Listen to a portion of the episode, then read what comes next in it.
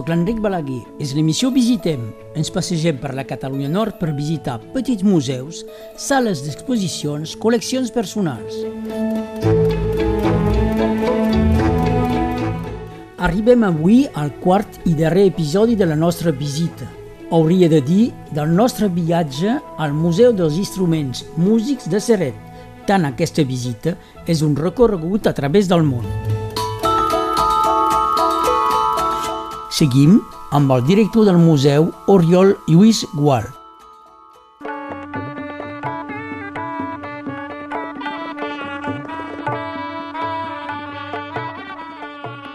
Les sales són petites, però això finalment és una bona cosa perquè eh, permet segurament de delimitar eh, els temes.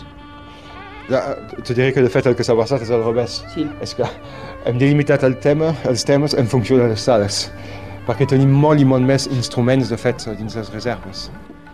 Aquí, aquí sí que és una, parlavi de sala petita, però aquí eh, sí que és una sala gran amb moltes, eh, quatre o cinc, eh, o potser més, vitrines. Sí, ara passem la, la, la, car la carretera de la seda, Iran, Uzbekistan, eh, Àsia Central, per acabar de a la vitrina més gran, que de fet és una sola vitrina, que fa com un laberint, eh, i aquesta vitrina presentarà tot l'espai eh, d'Índia. asiàtic, de fet, perdona. Comencem per Índia, però és tot l'espai asiàtic que s'ha representat.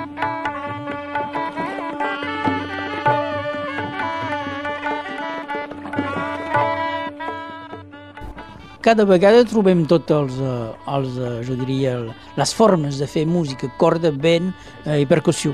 Exacte, una vegada que per les escoles és molt senzill, una vegada que comencem per la sala catalana, que les escoles d'aquí els nens coneixen a, mínim, a mínima aquests instruments, se'ls explica percussions, oboès, flautes, després poden visitar tot el museu sense dir els noms dels instruments, uh, perquè quan comences a ser sobre un museu d'instruments del món tens noms que són impronunciables. Um, encara estem davant una que va bé, que és senzill, tens Ney, Sunai, uh, Tar, Comus, Balaban, uh, això per nens és impossible, i ni, per nens, pels adults que venen només a fer una visita. El que és més interessant és de dir-se, hi ha famílies, hi ha grans famílies, i ens adonem que dins cada país, dins cada continent, hi ha variacions dels mateixos instruments. És un museu per les de, de visita de nens que té un, un enfocament eh, pedagògic, i, pedagògic important? Provem. No ho sé si ho tenim, però provem de fer-ho. Uh, tenim bastantes classes, avui tenim dues escoles diferents que venen. Uh, per nosaltres és un xic complicat perquè sem, quedem com una associació, som una petita associació, uh, som cinc a treballar al museu uh, i al mateix temps tenim d'obrir cada dia per la, pels visitants que venen i també per tenir escoles. Doncs provem de fer propostes uh, d'animacions de, de vegades és un xic difícil, però bon, les escoles venen i tornen, doncs aquest vol dir que són contentes. Aquesta nova vitrina, anem cap, més cap a l'Orient? Uh, no, Índia, Índia, sí, sí. Ara Índia i justament comencem amb Índia i acabarem amb, amb el Japó allà al fons. Tenim tot, una, tot un camí, de fet, realment molt asiàtic. Eh? Tot això prové d'aquest fons d'aquesta parella. És això, aquí ja em sembla, uh, no ho he comptat mai, però dins els prospectus hem posat que hi ha 450 instruments exposats dins el museu, i ben exposats, però dins el fons, el que deia abans, tenim 3 o 4 mil instruments diferents. No tenim prou lloc per ho ficar tot. El museu, el nivell museístic a vegades canvia per l'exposició permanent no, uh, bastant complicat perquè el que dèiem abans, com que hi ha una tria que s'ha fet de ser dins un museu bastant obscur, vol dir que cada instrument té el seu llum, la seva plaça que va bé dins la vitrina. Doncs per canviar voldria dir canviar tot un nivell després d'instal·lació uh, que és, és complicat.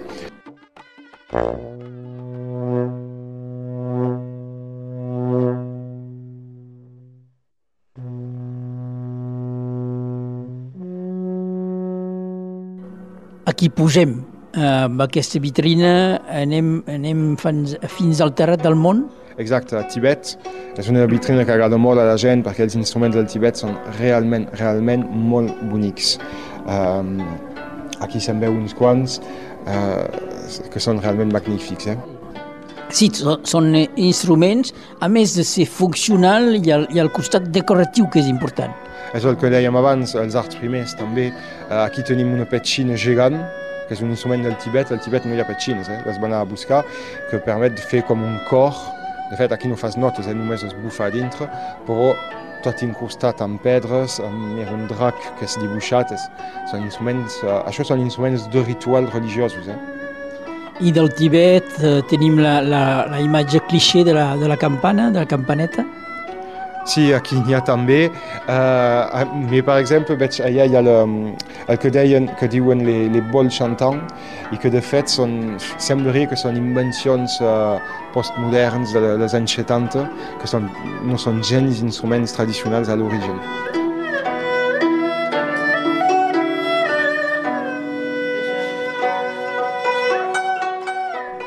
Ara sí que anem cap a l'extrem orient per nosaltres. Sí, sí, Xina. Uh, Xina, aleshores, sempre igual, mateixos instruments que per tot arreu. El que ens adonem ells amb um, les creences que poden tenir, aquí tenim instruments uh, de vermell, que el vermell aquí va lligat amb, amb el drac, doncs és bastant interessant. Uh, quan escoltem música xinesa o japonesa, són igual al nivell de, de quart de to, mig to, eh, no sóc músic però em sembla que, que he sentit aquesta, aquesta cosa. És com eh, amb el Marroc. De fet, ells són sobre games que són molt diferents i que pot variar d'una província a l'altra. Doncs, eh, més enllà d'això, és que de vegades es diu que la música és un llenguatge universal, de fet no ho és. Uh, nosaltres occidentals que escoltem música occidental ho podem considerar però de fet si escoltàvem realment un col·lectatge etnològic de certes províncies d'un cert país molt, molt llunyà, uh, un minut va bé, però llarg pot ser molt estrany. Teníem abans una exposició fa uns anys sobre el gamelan d'Indonèsia, que era genial, en tenim una dalt, que ens han deixat. Quan tens nens els hi fas tocar, és genial, la gent venia a escoltar, però de fet una música de gamelan era una música que durava entre dues i tres hores sense parar-se amb uh, games molt diferents de les nostres. Doncs quan s'escolta un CD, per exemple, de gamelan a França, són petits extractes bonics. No s'escolten la música sencera. Seria insuportable. És això. Cal ser habituat, cal ser habituat. Però és això, és per això que jo personalment aquesta cosa de dir la música llenguatge universal no m'agrada gaire. Cada cada música, cada país té les seves particularitats. I imagino que si anem a, si anem a, no sé, jo, mira, oh, encara som a Xina, si anem al Japó o a Xina on vulguem i que els hi fem escoltar una cobla, una cobla potser ho trobaran molt i molt estrany i no els hi agradarà. Ara sí que, anem, que estem al Japó, aquí. Això. Japó, Vietnam. Aquí tenim uns instruments que són uns xic estranys es bufa dintre i es fiquen a, hi ha com canyes uh, perpendiculars dins una canya horitzontal doncs es toca amb els dits en l'aire. Aquest, aquests instruments sí que són bastant particulars, visualment. És que calia finalment molta imaginació, és a dir, que l'imaginació era provocada per, per el costat eh, pràctic. És això, és exactament això, és que hi ha un moment on la simplicitat és senzilla, doncs poden fer coses amb simplicitat, després es busca alguna cosa, ser més greu, ser més agut, uh, aguantar més temps, tenir aquest so, tal so, tal so, després es fan experiments, i d'un experiment que funciona pots tenir un instrument que es torna tradicional, però a l'inici sempre és un experiment. Qui us ve a visitar? Suposo gairebé tothom, però els músics són particularment interessats. Hi ha músics, eh, no diria que és la majoria. La majoria seria Semseret, vila de museus, doncs hi ha bastant turisme que ve, turistes que venen. Més aviat aquesta gent. Tu diria que eh, nosaltres el que ens adonem de les dades és que és més aviat públic, uh, molt catalans, molta gent de Catalunya que um, amb els anglesos són el, els majoritaris, les persones majoritaris que venen al museu i després sí, gent músics, però no, no és la, la majoria. Veig que el títol és eh, L'Irisière du Levant. La música acompanya la feina o molt més sovint el lleure? Ai, els dos, els dos. Eh, aquí som dins mons tradicionals, com ho teníem nosaltres abans, abans 1900, com ho podíem, com ho podíem tenir a Catalunya. Eh, la música, de fet, ritme tot. Ritme el treball, ritme el cap de setmana, si podria dir. Eh, a tot moment tens músiques, tens cants, tens instruments, instruments, instruments rituals, instruments més de festes. Eh, tens una, una música molt més present. A Occident, quan tu tens un instrument, eh, el guardes. Ells allà, és molt més, com que la música és molt més present, és molt més senzill tenir un instrument i accedir a, a, la, a aquesta pràctica. És per això que també tenim molts dels instruments que es van comprar, aquests instruments quan es van comprar es van comprar directament el músic. Tens el músic que toca i el senyor que ens ho va donar que va anar a comprar directament el músic. Aquí seria gairebé impensable d'anar a mirar una cobla i de dir et compri el tible, perquè el tible té el seu instrument, en sap tocar el ben pas. Dins aquells països com que els instruments són més senzills, són més senzills, són sobre altres problemàtiques, és més senzill tenir-la. Seguim, seguim. És que tu tens una, un afecte particular per uh, unes, uh, una part de la col·lecció. Jo vaig estudiar els oboes um, al conservatori, doncs és, diguem que és el, són els oboes i a més aquí tenim una de les més grans col·leccions del món d'oboes, doncs és més aviat aquesta part que m'interessa, sí. I ara ens trobem davant una vitrina que es diu les rutes marítimes. Exacte, aquí som, uh, és més aviat Yemen, uh, Sumatra. Tenim instruments, estic mirant el nom perquè no em recordo com se diuen. La, up, les, les citares, la, les vaia, que són bastant estranys, ni et podria dir com es toquen aquells. Però al davant en tenim un d'un xic més petit que li diuen mismar i que de fet aquest al Pirineu tens exactament el mateix instrument que, que és tocat. És una doble flauta. És un instrument, com diuen, polifònic, de fet. Uh, és a dir, que quan fas la música hi ha dues músiques, dins aquest sentit uh, polifònic. En cal saber tocar o bé arriba naturalment? Sí. No, no, en cal saber. El meu pare, jo n'he pas mai tocat, el meu pare per... Deu, no deu ser gaire complicat, però cal saber-ne cal saber fer. Els instruments del nou món i també eh, me ve una idea, també s'utilitza molt eh, el, les restes d'animals per fer instruments. Exacte. Uh, bon, aquí sobre el nou món, de fet, és uh, molt instruments importats amb la, amb la conquesta. Però, per força, tenen certes particularitats.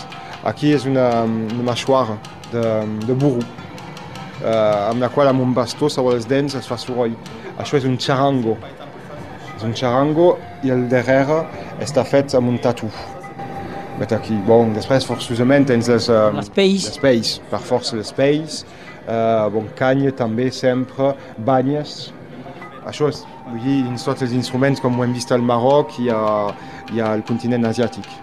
Parlant d'això, em sembla que he vist només un, un bandoneó, un acordió. Exacte, només n'hem ficat un, d'acordió. És, uh, no podíem ficar tots els instruments. Moltes vegades tenim gent que surt i que diu uh, no heu ficat aquest instrument. Veritat, al mateix temps em sembla que és molt més interessant presentar instruments que la gent no coneix que presentar instruments que la gent coneix. Doncs tenim per força l'obligació de ficar aquests instruments, un acordeó per exemple, ça, ça rassura. La gent, ah, l'hem vist, som contents. Però al mateix temps, la idea d'un museu com aquest és de descobrir novetats.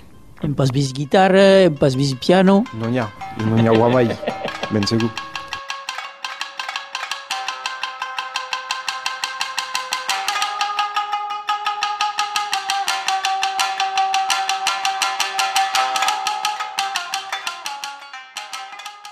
Estàvem amb l'Oriol Lluís Gual, director del Museu dels Instruments de Serret, al Museu Músics.